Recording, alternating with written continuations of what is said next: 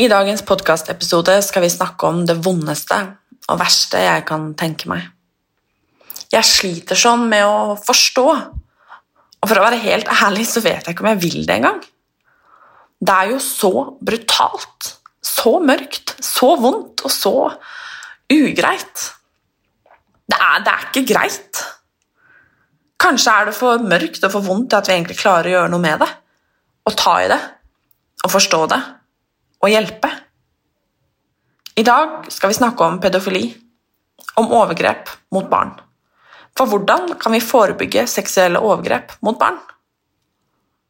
Therese har fordypet seg i dette vonde temaet. Hun har skrevet side opp og side ned om det vi egentlig ikke prater om. Det som egentlig er for vondt til å prate om. Therese mener at det er viktig, til og med livsviktig, at vi gjør det. Og jeg jeg gjør jo egentlig det, jeg også. For hvordan skal vi kunne forebygge om vi ikke gjør noe konkret? Om vi ikke prater om det? Om vi lukker øynene fordi det er så ubehagelig og vondt? Er pedofili en legning eller en lidelse? Hvordan kan vi hjelpe? Er de som begår seksuelle overgrep mot barn, monstre? Hvordan kan vi forhindre seksuelle overgrep mot barn? Én ting er i hvert fall sikkert, og det er at Therese har rett i det hun sier. Nemlig at uh, om det ikke er noen utøvere, er det heller ingen ofre. Tjenesten Det finnes hjelp er for personer over 18 år med seksuell interesse for barn, som har en selvidentifisert risiko, og som ønsker hjelp til å unngå å handle på sin seksuelle interesse. Behandlingstilbudet er åpent også for personer med tidligere straffesakshistorikk, men tar ikke imot personer som for øyeblikket er under etterforskning for seksuallovbrudd. Du finner hjelp på det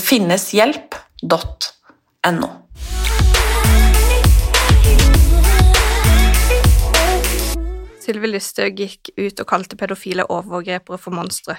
På Facebook-sida så skrev hun Nå får jeg kritikk for å ha kalt pedofile overgripere for monstre. Pedofile er ikke ofre, de er monstre. Hva skal man kalle personer som voldtar barn, som sitter og betaler for at barn voldtas i fattige land live på nettet, som ødelegger barn for livet, Voksne mennesker som gjør barns liv til et helvete på jord. Jeg kommer alltid til å kalle en spade for en spade. Ved å kategorisere overgripere som monstre generaliseres og umenneskeliggjøres menneskene med seksuell tiltrekning til barn. Menneskene blir dehumanisert, og deres iboende verdi i kraft av å være menneske forsvinner. Det er kanskje enklere å hate noen som vi ikke anser som mennesker. Men overgripere, de er pappaer, de er mammaer, de er søsken, de er steforeldre.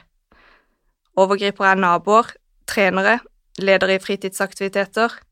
De jobber som støttekontakter, sykepleiere og prester. De ser akkurat ut som andre mennesker. Overgripere de er hyggelige på butikken, de er høflige på telefonen, de har rene klær på seg, og de høres ut som de vil trøste og hjelpe et barn. Hvordan skal vi bli flinkere til å identifisere overgripere dersom de kategoriseres som monstre og ikke gis et ansikt? Dette kan føre til at den som blir utsatt for overgrep, vil vanskeligere kunne identifisere en overgriper.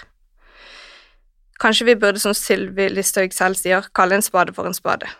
Et menneske som begår seksuelle overgrep mot barn, er ikke et monster. Monster er en betegnelse for fabeldyr og uhyrer som ofte dukker opp i mytologi, legender og skrekkfiksjon.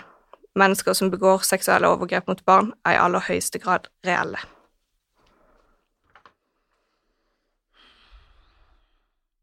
Jeg tror at um, Sånn umiddelbart min første tanke er liksom Men herregud, pedofili er jo det verste jeg vet om. Ja. Um, og jeg tror det gjelder mange med meg. Og jeg, på en måte så håper jeg det jo også. Mm. Fordi at det er det verste jeg liksom kan forestille meg og tenke meg. Mm. Hvorfor uh, har det vært så viktig for deg å dykke ned i et så vondt og vanskelig og komplisert tema? Ah, det starta etter at jeg så eh, dokumentaren Innafor for eh, fem år siden, kanskje, hvor eh, programlederen besøkte innsatte i norske fengsler som var sedelighetsdømte, som satt for overgrep, sona dommer for seksuelle overgrep mot barn, hvor hun spurte de om det var noe som kunne vært gjort annerledes, og om de hadde bedt om hjelp, eller ja.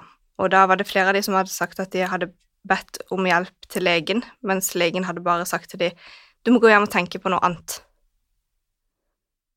Og, og den beskjeden var sånn Gå hjem og tenke på noe annet. Og det, det var sånn eh, Ja, det, det, skapte så mye uro i meg som, eh, som ikke jeg liksom fikk fred fra, og som, som motiverte meg til å, å, skrive først en bacheloroppgave om dette temaet. Men altså, når du skriver en bacheloroppgave, så føles han veldig stor og veldig mye, men han er egentlig veldig liten. Så når, når jeg var ferdig med bacheloroppgaven, så følte jeg meg ikke ferdig med temaet. Jeg følte liksom ikke jeg kunne nok, eller jeg ville mer. Jeg ville skrive mer og større. Og det motiverte meg til å ta en master og, og få enda mer kunnskap om det. Mm. Og kunne eh, ja, intervjue og, og, tilegne meg mer kunnskap om det. Så det var egentlig den uroen som eh, var med at de fikk beskjed om å gå hjem og tenke på noe annet, da. Som gjorde at det, interessen for dette temaet ja, tentes. Hva er det Eller hvor går liksom grensa til at man liksom er pedofil? Når, når er man liksom det? Ja, det er jo eh, Det er jo For det første så kanskje vi skal snakke om at, at pedofili er en lidelse og ikke en legning. Og den lidelsen er også eh, eh, beskrevet i både ICD-10 og snart 11 og DSM-5 også. Så, så den, eh, det har jo en egen, en egen eh, definisjon. det var det jeg var ute etter. Ja, ok. Så pedofili har jo en egen definisjon, eh, og det defineres på ulike måter eh, hvor enn eh, det er. Men det som er at eh, alle For å få en pedofilidiagnose så trenger du ikke ha begått et overgrep. Så det fins pedofile som ikke begår overgrep, og det fins også mennesker som begår overgrep mot barn som ikke er pedofile. Mens eh, Og da ser du ser veldig spørrende ut på meg. Fins det? Ja, ja det fins også. Det, da kan det være eh, andre ting som er utslagsgivende, som for eksempel eh, at barn er mest tilgjengelig der og da. At eh, det er rus inne i bildet, og ja, andre ting. Det skriver eh, eh, Det er en bok som heter Sexologi i praksis, som er skrevet eh, Elsa Almås og Espen Estoprell. Så der eh, Ja, der står akkurat det. Det har jeg aldri tenkt på før. Nei. Jeg tenker at er som ja, går etter et barn, på en måte, er pedofil og jævlig, liksom. Ja, så er det også et kulturelt spørsmål. Fordi i mange land så er det jo kulturelt akseptabelt. Det finnes jo barnebruder. Hvis det var det i Norge, ville alle vært gift med barn, da? Her? Det er et godt spørsmål. Mm. Men hva Hvis man skal stille spørsmål, liksom, hva er skadelig seksuell atferd? Ja, eh, skadelig seksuell atferd, det er no, egentlig noe man bruker til eh, på betegnelse mot barn og unge som har en skadelig seksuell atferd. Ja. Med voksne så kaller vi det seksuelle overgrep. Så eh, skadelig seksuell atferd er jo når man skader noen seksuelt, og det er jo Man kan dele det opp i liksom eh, et sånt trafikklys, da. Grønn, grønn eh, atferd, oransje, som er grenseoverstridende, og som er litt sånn i grenseland, og rødt er jo når det skjer overgrep, og da er det jo eh, ofte mot eh, noe som Altså en person som er større enn en annen, eldre, og, eller enten i fysisk form eller i alder. Og at denne At det, blir gjort handlinger mot noen andres vilje, da. Enten Ja. Men hva er det som gjør at noen blir pedofile? Er det på lik linje som at ja, noen blir sånn, eller noen blir sånn, liksom. Altså, jeg Hva Kommer det, eller er man født med det, eller hva Nei, det er vanskelig. Akkurat hvorfor noen blir pedofile, har jeg liksom ikke vært uh, så interessert i å finne ut av. Mer hvordan man kan forebygge at uh, seksuelle overgrep mot barn skjer, og da finne ut av få liksom kunnskap om overgriperen. For det er viktig å si at med seksuelle overgrep så vil det alltid være fokus på offerrollen. Alltid. Men det er ikke ensbetydende med at, det, at ikke det er viktig å ha kunnskap om eh, om eh, overgriperen heller. For det, eh, hvis det skal være noe som helst realisme rundt å liksom forebygge overgrep, så må man også vite eh, noe om den som begår overgrepet også. Altså at det ikke skal skje overgrep i det hele tatt. At, ikke, at det er veldig flott at barn nå lærer mer om grenser og mer om kroppen sin, eh, og at kroppen min den eier jeg, og forskjell på gode og dårlige hemmeligheter. Eh, men da er jo på en måte mange ganger et overgrep allerede skjedd. Og hvordan kan vi unngå at det, det i det hele tatt skjer? Og det tror jeg jo er veldig skadelig, da. Det som de holdningene vi som samfunn har til, til pedofile, eller har til overgripere. Som du sier, det er det verste du kan tenke deg. Og hvis det, pedofile føler at hele samfunnet forbyr dem, og eh, at de liksom føler seg eh, ja, forkastelige, på en måte, at ingen vil ha noe med dem å gjøre, hvordan tror du det er fordi å oppsøke hjelp, få hjelp? Og hvis ikke vi vet hvis, ikke, hvis, de går rundt og tror selv at det er en legning som ikke kan behandles, at de vil være det for alltid, um, er det vits å få hjelp, da?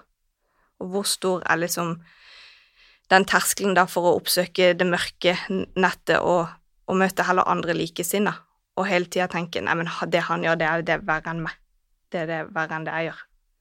Det er jo mange også som har rapportert at det, når de har blitt tatt, så har det vært en lettelse, for de har ønska å komme seg ut av det, men de har ikke visst hvordan. At det er fælt å leve med. Mm.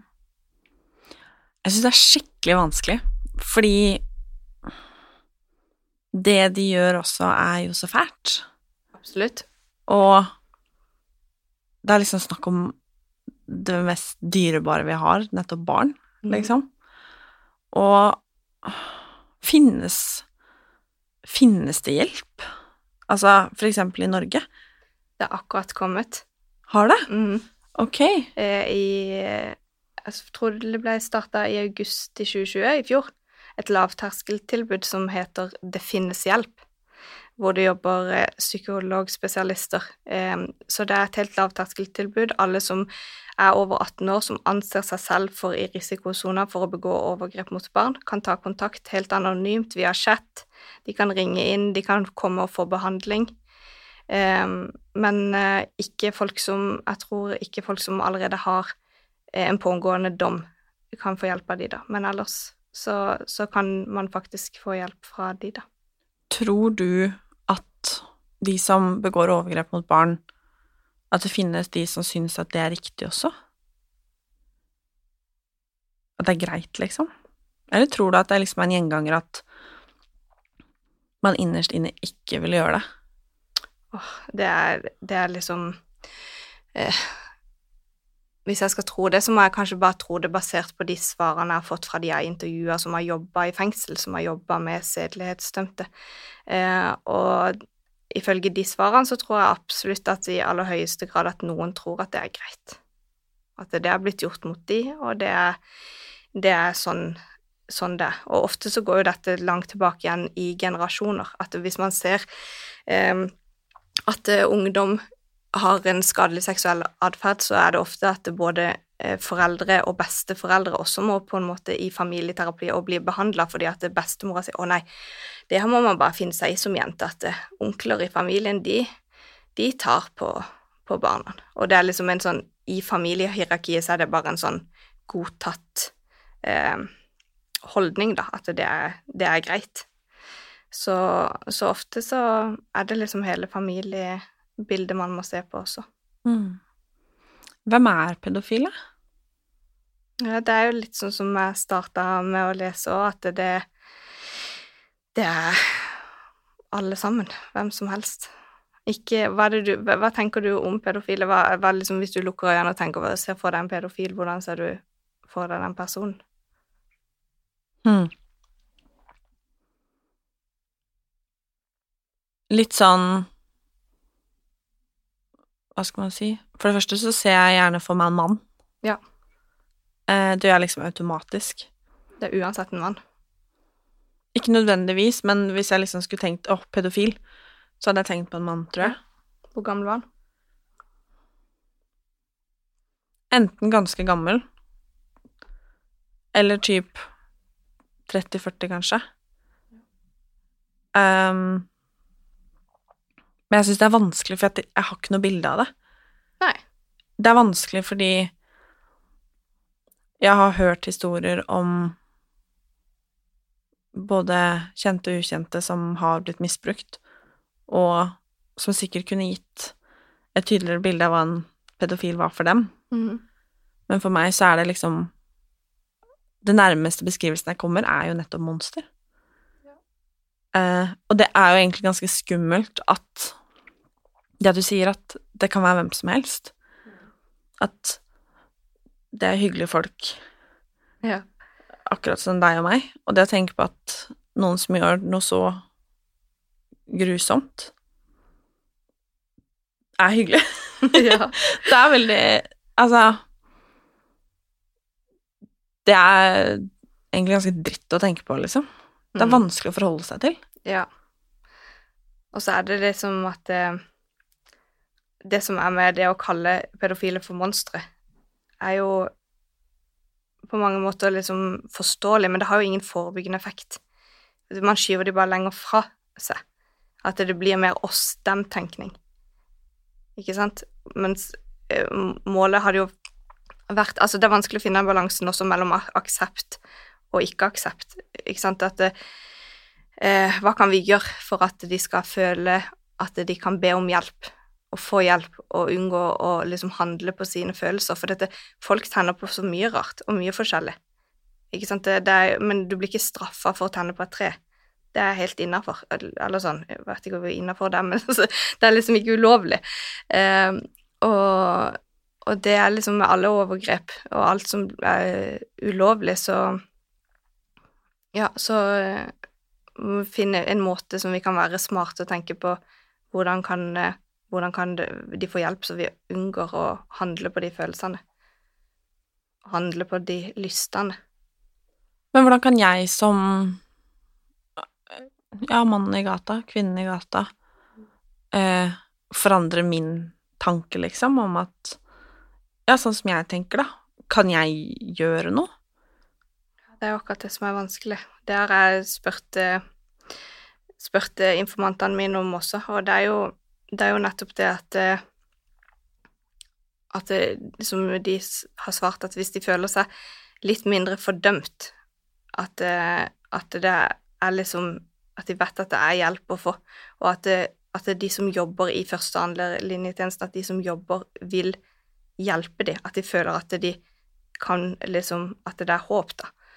Eh, at de har kunnskap om det, og om ikke de har kunnskap om det, så blir de i hvert fall ikke sendt hjem for å gå og tenke på noe annet, men at de blir sendt eh, At de blir sendt til noen kompetente folk som kan hjelpe dem. Jeg bare tenker sånn Dette med aksept, liksom. Mm. Som du sier, den balansen der er så vanskelig, for eh, Da tenker jeg med en gang at ja, men herregud, kan vi akseptere det her? Fordi da sender man kanskje signaler om at det er greit å være sånn som du er, Ja. og Er det det, da? Det er jo egentlig ikke det. ja, men hva er konsekvensen hvis de ikke gjør det? Ja. Hva er konsekvensen? Nei, da blir det jo at, eh, at de ikke får hjelp, Mm. At de ikke tør å oppsøke hjelp. Og heller oppsøker andre folk som gjør noe verre, kanskje for å liksom legitimere det at det, de gjør ikke er så veldig farlig. Mm. Eller bare eh, ja, tøyer den strikken mye lenger, da. Mm. For det, altså, man allerede føler seg eh, hjelpeløs, på en måte.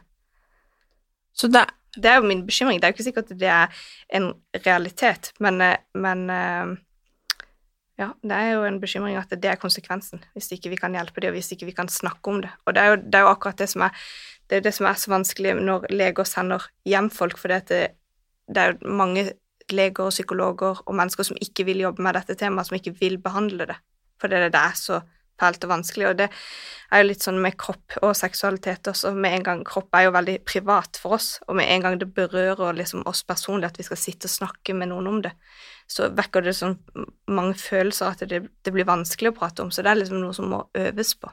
Mm.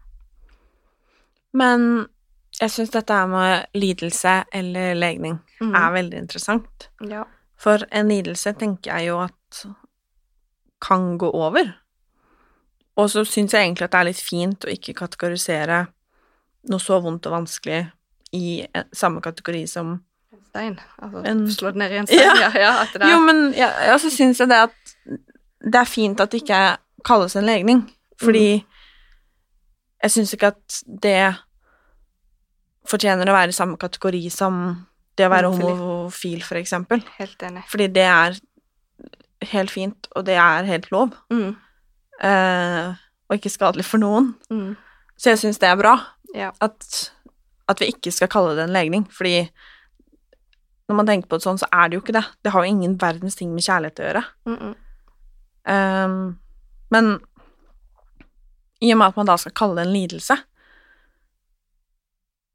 kan man bli liksom frisk?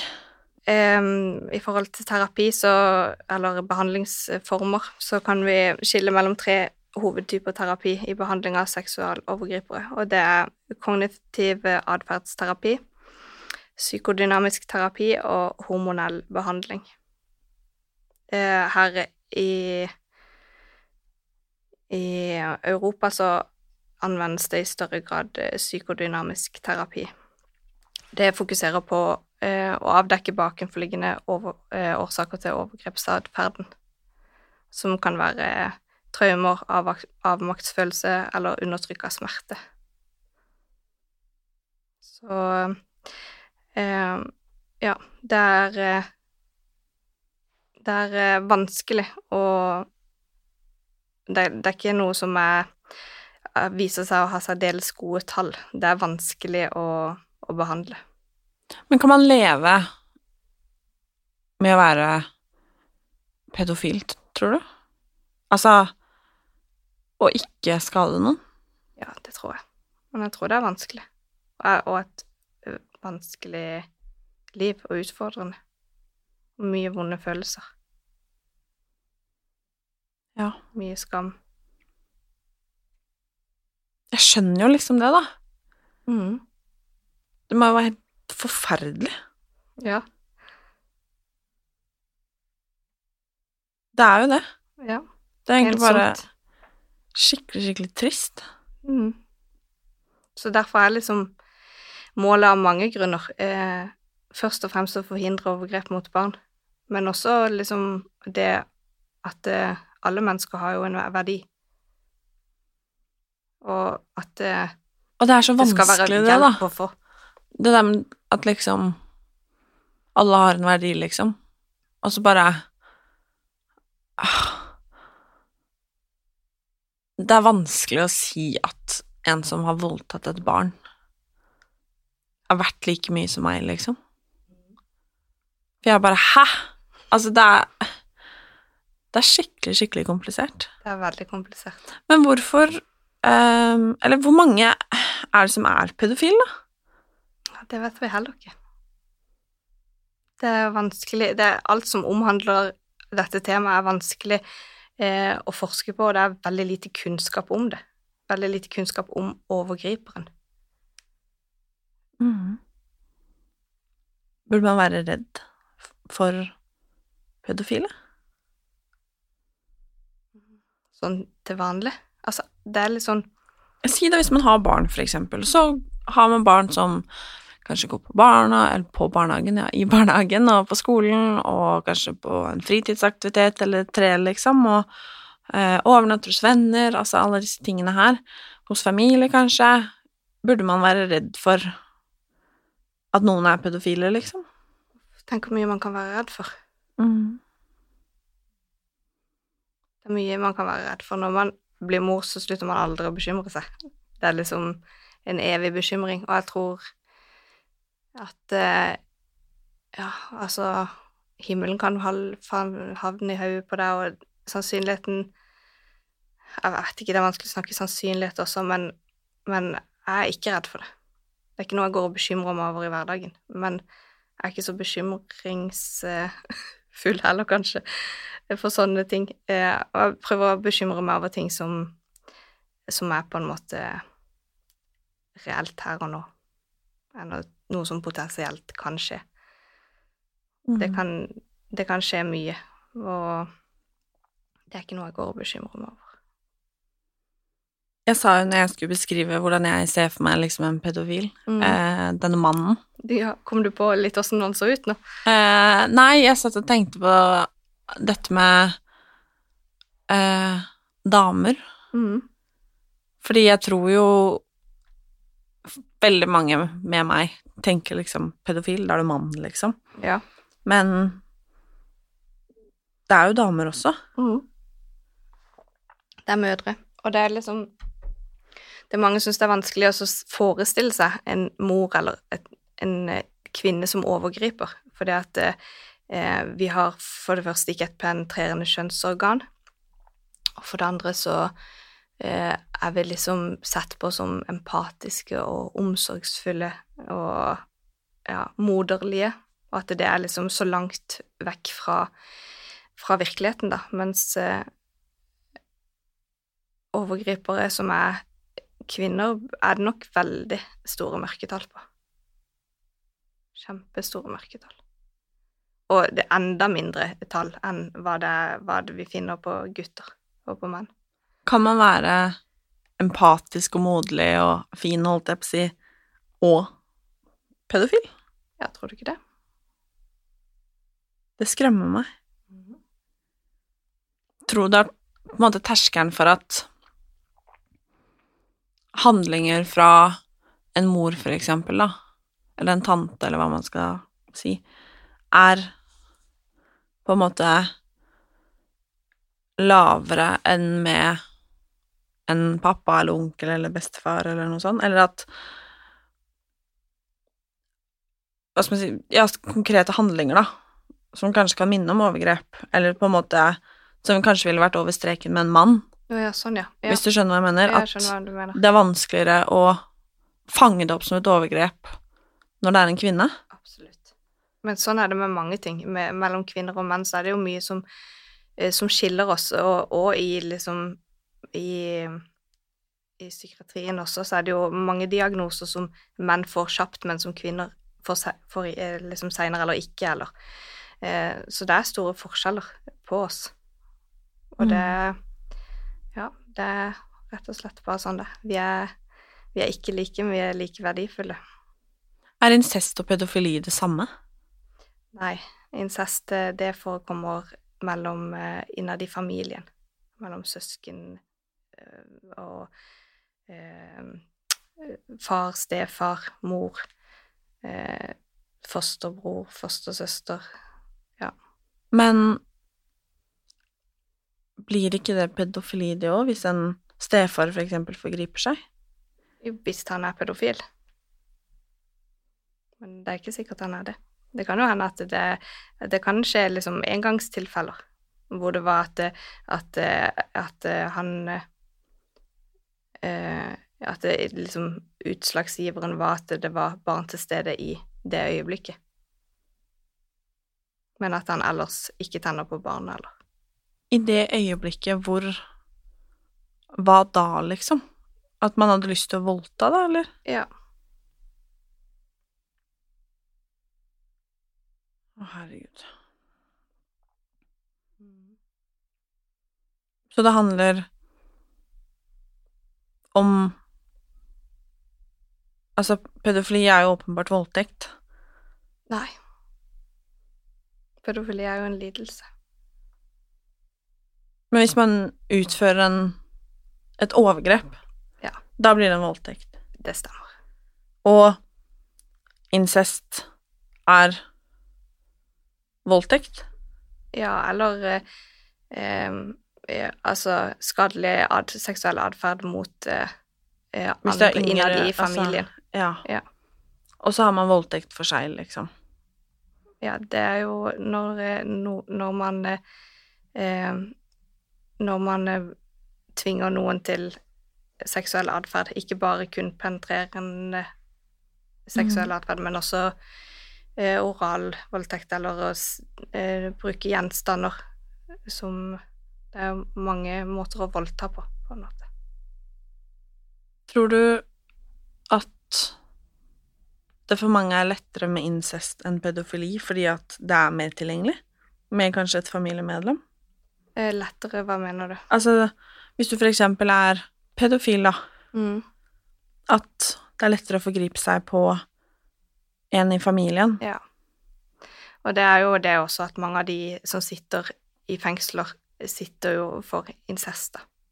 At det er enten mot egne barn eller mot stebarn. Det er en veldig stor majoritet av det er innad i familien. Er du enig i at de skal sitte i fengsel? Det kommer jo da liksom litt over på, eh, på noe annet, for fengsel er jo for at vi skal beskytte samfunnet. Men, eh, men eh, Og det er jo også liksom hvordan vi ser på straff. Eh, eh, og jeg tror nok i forhold til sånn som Norge fungerer, så må de sitte i fengsel, og så bør de få behandling. Og så bør det være et helt annet oppfølgingstilbud eh, enn det de har nå i dag. For nå blir de sluppet ut, og så klar deg sjøl. Og det, det er jo Det skremmer meg jo også, da. Det skulle jeg jo ønske at det var et eh, mer oppfølgings... Eh, eh, at det var liksom på en måte tvang, da, i ettertid. At eh, man får hjelp da også. Mens nå er det liksom opp til hver enkelt hva Mm. slags hjelp de vil motta og, og sånn. Og det er det i en sånn rapport sånn fra, eh, som heter Svikt og svik fra NOU, så er det også diskutert og debattert om eh, om eh, man bør, hvis de slipper ut og får seg eh, en ny kjæreste eller samboer med barn, om man bør si fra til mor for eh, og, altså, i forhold til hva slags dom de har sont, da. Så de kan ta et, eh, et valg på om det er trygt å, å være i eller ikke. Og da er det jo mye som kommer i, i klinsj i forhold til taushetsplikten og avvergeplikten, og hvordan man tolker dette. Og ja. Og, og det er også at eh, når du har sona dommen din ferdig, så er det jo menneskets rett på en måte til privatlivets fred versus naboens rett til å vite hvem som er naboen, ikke sant? Mm. For det, sånn er det jo i andre land, så er det jo at det, de pedofile får bare bo visse steder, de får ikke nærme seg eh, lekeplasser, ja, sånne ting som det. Og det samme er det òg at eh, en kjent en på dette området eh, har også sagt at hvis man i retten eh, blir spurt om ja, er du pedofil, og svarer ja på det spørsmålet, så får man også en høyere dom altså må sone høyere, fordi at det, mange tror er fortsatt av den oppfatning at det, det er en legning og ikke en lidelse. Så det mangler fortsatt mye eh, awareness rundt det. Mm. Når blir man på en måte pedofil utad, om du skjønner hva jeg mener? Hvis, hvis vi sier at pedofili er noe Jeg vet ikke om man er født med det, eller om det kommer, liksom. Jeg vet du det? Mm, jeg tror ikke det er noe man er født med, men eh, noe kanskje man utvikler, ja. Når er man da Jeg tenker sånn aldersmessig. Ja, det For- er mellom 10 til 13 år At man som, det kan, eh, som man kan starte å, ha liksom en skadelig seksuell atferd mot yngre barn, da. 10 til 13 år. Som det kan starte. For jeg bare tenker hvis man er liksom Jeg tror Når jeg har hatt samtaler om dette tidligere også, så tenker man gjerne sånn Ok, men er du pedofil hvis du er 17 år og har sex med en jente på 14, for eksempel? Eh, fordi man tenker liksom at Hvis du er med på tanken min at eh, nei, men da er man jo fortsatt så ung selv, Mm. selv om det er under den seksuelle lavalderen, liksom. Ja. Men det er jo ikke greit at en mann på 48 har sex med en jente på 14. Nei. Eh, eller kanskje man skulle brukt 16 som alder, da, siden det på en måte er over den seksuelle lavalderen. Men, ja. men hvor Det er skikkelig vanskelig å formulere dette spørsmålet. Jeg vet ikke om du skjønner hva jeg mener, men når blir da denne pedofile pedofil for oss mannen i gata, liksom? Når bikker grensa på at det på en måte er Ok, nei, men han er sikkert bare interessert i henne, liksom, og dette er faktisk pedofili? ja. Det er jo når de liker eh, Altså at den For en på 17 og en på 15 kan jo være på en måte kjærester, og så, mm. eh, kan det så, er det eh, så når det ikke er lov, så er det jo ikke lov å ha sex, og det må man jo passe seg for. Men det er, litt, det er jo også forskjell på dette her med størrelse, både liksom mentalt og i fysisk form og i alder. Men eh, når du er Ja, det er vanskelig liksom å definere akkurat den der eh, overgangen fra eh, Loven er jo som den er, og den står, jo, den står jo som den er, og det med når en pedofil blir pedofil, det er jo med å, å, å foretrekke og like yngre barn, da. Mm.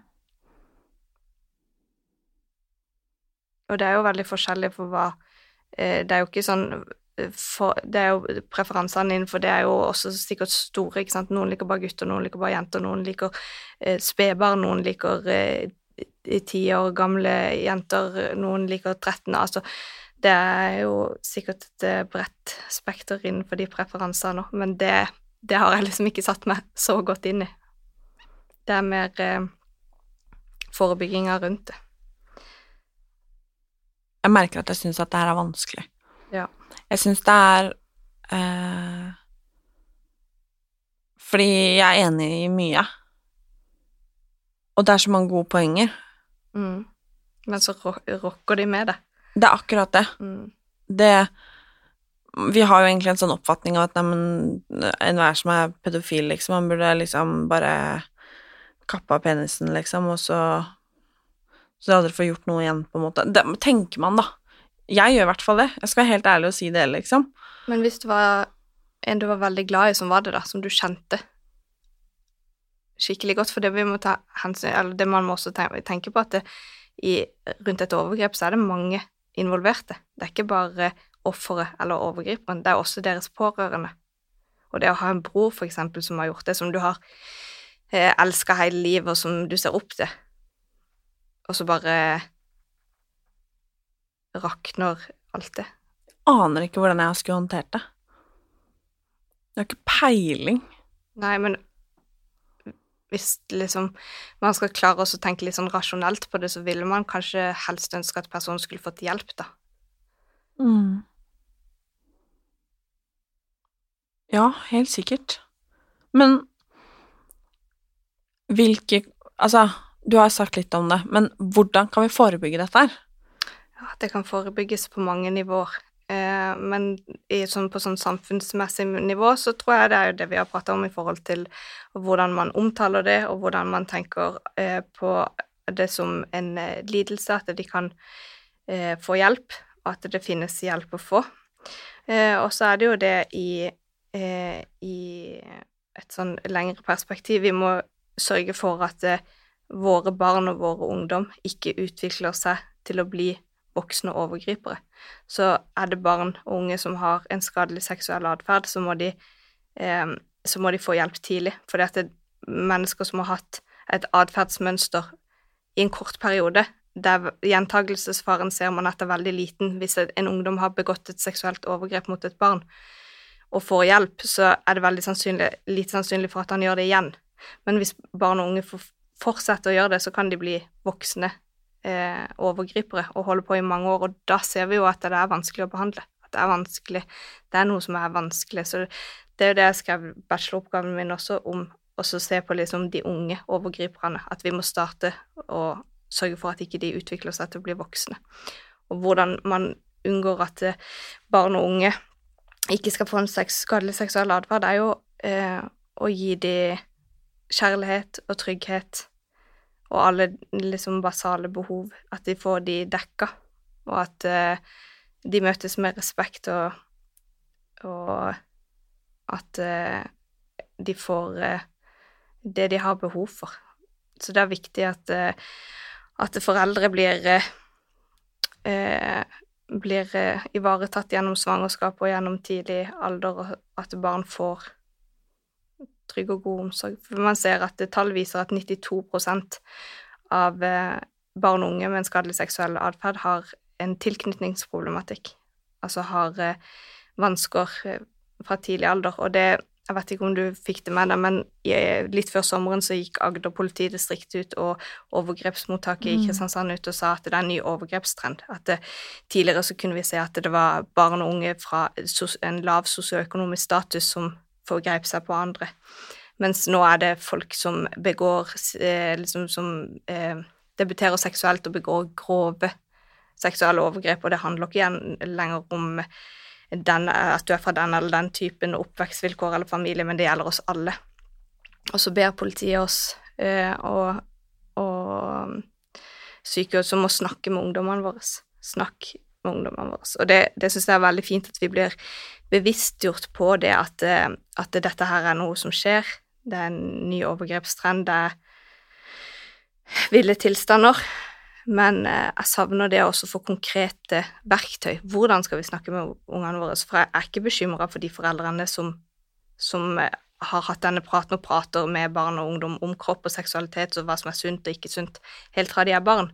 Men det å skulle prate med 17-åringen din, du har aldri prata om kropp eller sex, eller det er ikke iboende naturlig i deg, så skal du begynne og så si ja, nå har vi lest i avisa at det er mye overgrep der, er det noe du kjenner til? Og så er jeg liksom kjempeflau, og da, da, blir det vanskelig. Så at, eh, at foreldre også At ikke det er bare barn i barnehagen som lærer å snakke om kroppen, men også foreldrene blir opplært i hvordan skal vi ta denne praten, hva er det som er aldersadekvat, hvor mye tåler en fireåring å høre om det, og hvordan snakker vi med 15-åringen om det, og hvordan liksom, kan det bli en, en del av en naturlig del, da, for for så mange fortsatt så er kropp og seksualitet så vanskelig å prate om. Det er mange som ikke tåler å se sin egen kropp i speil, det er mange som har et kjempevanskelig og anstrengt forhold til seksualitet som er foreldre. Hvordan skal de liksom få det til å bli noe som kan prates om og kan spørres om eh, innad i familien, da. For det som er bekymringa nå, tror jeg er også mye som handler om, om tilgjengeligheten liksom på internett og alt, all pornoen som er som er skadelig for folk, eh, barn og ungdom, å se på. Så det savner litt å ha litt eh, mer prat om det, litt tryggere prat om det, og litt, eh, eh litt eh, alderstilpassa i forhold til eh, ungdommer og barn. Så verktøy. Ikke bare si 'dette skjer', men hvordan kan vi, hvordan kan vi som foreldre gjøre noe med det? hva skal vi si konkret? For jeg har venner, venner som har barn i barnehagen, og, og større barn, og som sier å, han spurte meg hvordan uh, man lagde babyer, men jeg sa bare jeg vet ikke, det må du spørre mamma om, jeg har ikke peiling. Jeg, jeg orka ikke den praten, jeg vet ikke hvordan jeg skulle si det, og jeg må bare utsette det litt. Så det er vanskelig for folk å prate om, fordi mm. de vet ikke. Jeg tror det er superviktig. Ja. Fordi jeg tror det er nesten litt sånn naivt, om man kan si det sånn, å tenke at det er liksom flaut, eller at det ikke er så viktig, eller altså et eller annet, fordi det er så rundt oss hele tiden. Mm. Um, og spesielt barn og unge. Uh, gjennom altså, sosiale medier, men også altså, miljøene som er. Og hva man tror sex er. Uh, og hva det innebærer, og hva det handler om. Og dette med grenser, og at man bare Jeg tror hele poenget mitt egentlig er at vi må slutte å si at ikke det er så viktig. Mm. Fordi jeg sitter jo her nå og egentlig er litt lamslått og tenker at det her er så, så, så viktig. Ja. Det er kjempeviktig. Jeg kan jo si, presentere liksom noen tall også, for Vista Analyse hadde gjort en sånn undersøkelse på hvor mye eh, penger vi bruker på forebygging av vold og seksuelle overgrep. Og i 2015 så kom de frem til at vi bruker 8 milliarder kroner, ikke millioner, milliarder kroner bruker vi på å forebygge vold og seksuelle overgrep. Eh, og hvor mye tror du det kosta samfunnet av de konsekvensene med å bli utsatt for vold og seksuelle overgrep. Altså eh, politi, barnevern, psykiatri, det å være uteblitt fra eh, arbeidslivet for de, de, som, de som blir berørt av det. Konsekvensene er så store, og ikke, og ikke alle konsekvensene kan man liksom tallfeste, for hvordan kan man liksom tallfeste en barndom som er ødelagt? Det er veldig vanskelig.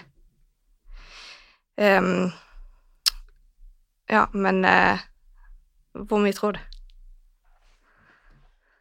Jeg har ikke peiling. Nei, hvis vi brukte åtte milliarder, hvor mye tror du tror det, det er jo så sjukt mye penger. Det er, det er jo fantasipenger. Det går ikke an, åtte milliarder, det går ikke an å se det for seg hvor mye det er. Jeg er helt blank, liksom. For åtte milliarder for meg er så mye, bare det, liksom. Ja, de kunne liksom nesten, altså sånn, nesten garantert si at det, ville, at det kosta samfunnet 33 milliarder. Det kunne de si.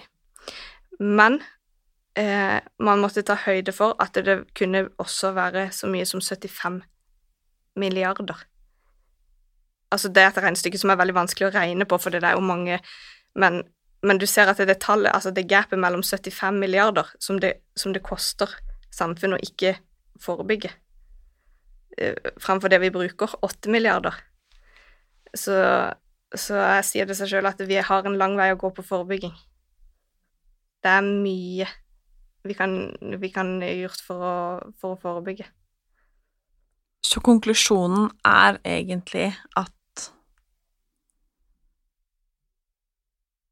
det må og kan og skal behandles? Ja. Skal forebygges.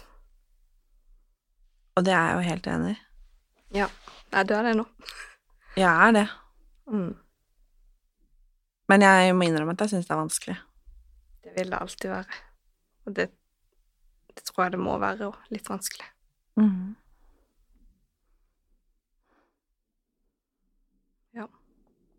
Man blir litt sånn tankefull, fordi Jeg blir litt sånn Hø. Jeg kjenner jo sikkert noen pedofiler, liksom. ja, du gjør nok mest sannsynligvis det. Og det Jeg tenker jo liksom ikke på det i hverdagen. Mm -mm. Men så sitter jeg nå og tenker bare sånn jeg sitter ikke og tenker ha, kanskje han, eller kanskje Overhodet ikke, men For det går jo ikke. Nei, det kan du ikke. Det kan du ikke. Overhodet ikke. Og det, det, er jo ingenting Det er jo ingen som hadde passa Altså. Men jeg skal innrømme det at når jeg satt liksom langt ned i, i dette og gravde meg liksom ned i materien, eh, så når det liksom ligger liksom foran i pannelappen, og du tenker så mye på det, så begynner liksom verdensbildet ditt å bli litt uh, vilt. Men, uh, men uh, så må du bare fort hente deg inn igjen, og så må man stole på mennesker også. Mm. Men så må man heller være her og prøve å gjøre verden til et bedre sted, og så tenke klokt, og så skaffe folk hjelp, for det alle, alle med en lidelse fortjener å få hjelp. Jeg pleier å avslutte episoden med å spørre om man har noen råd. Um, og dette er kanskje det rareste rådet jeg har bedt om noen gang, men noe sier meg jo at sannsynligheten for at en av de, eller kanskje til og med noen For at det er en eller annen som hører på denne episoden her, som har tenkt tanken, mm. eller som kanskje til og med har denne lidelsen. Mm. Har du noe råd til den eller de? Da vil jeg bedt de om å gå inn på defineshjelp.no og så tatt kontakt med de der anonymt. Det er ingen det er ikke, De har ingen kontakt eh, med um, med liksom legen. Det blir holdt utenfor din legejournal. Det er ingenting som kan spores. Du trenger ikke å si navnet ditt. Alt er helt anonymt. Så våg for din egen del og for andres del, og så skaff hjelp. For det finnes hjelp, og de vil, vil deg vel, og vil gi deg hjelpa du trenger. Det er jeg helt sikker på, etter eh, det intervjuet jeg har hatt med dem. Tusen takk, Takk Therese. for at jeg fikk komme. Det Dette må jeg tenke litt på. ja, gjør det. Og jeg er veldig, veldig glad for at du tok turen, og for at du eh, har orka å gjort oss litt eh, mer bevisst. Du har i hvert fall tenkt gjennom disse tingene her, og svart på de spørsmålene jeg har. Ja, det jeg har klart å svare på, i hvert fall. Det, jo, men det syns jeg. Og det er jo åpenbart at dette er viktig. Det er kjempeviktig. Selv om det er ubehagelig å sitte her og prate om det fordi at det er så vondt. Mm. Men jeg er glad for at det finnes noen som, eh, som orker. Så tusen, tusen takk.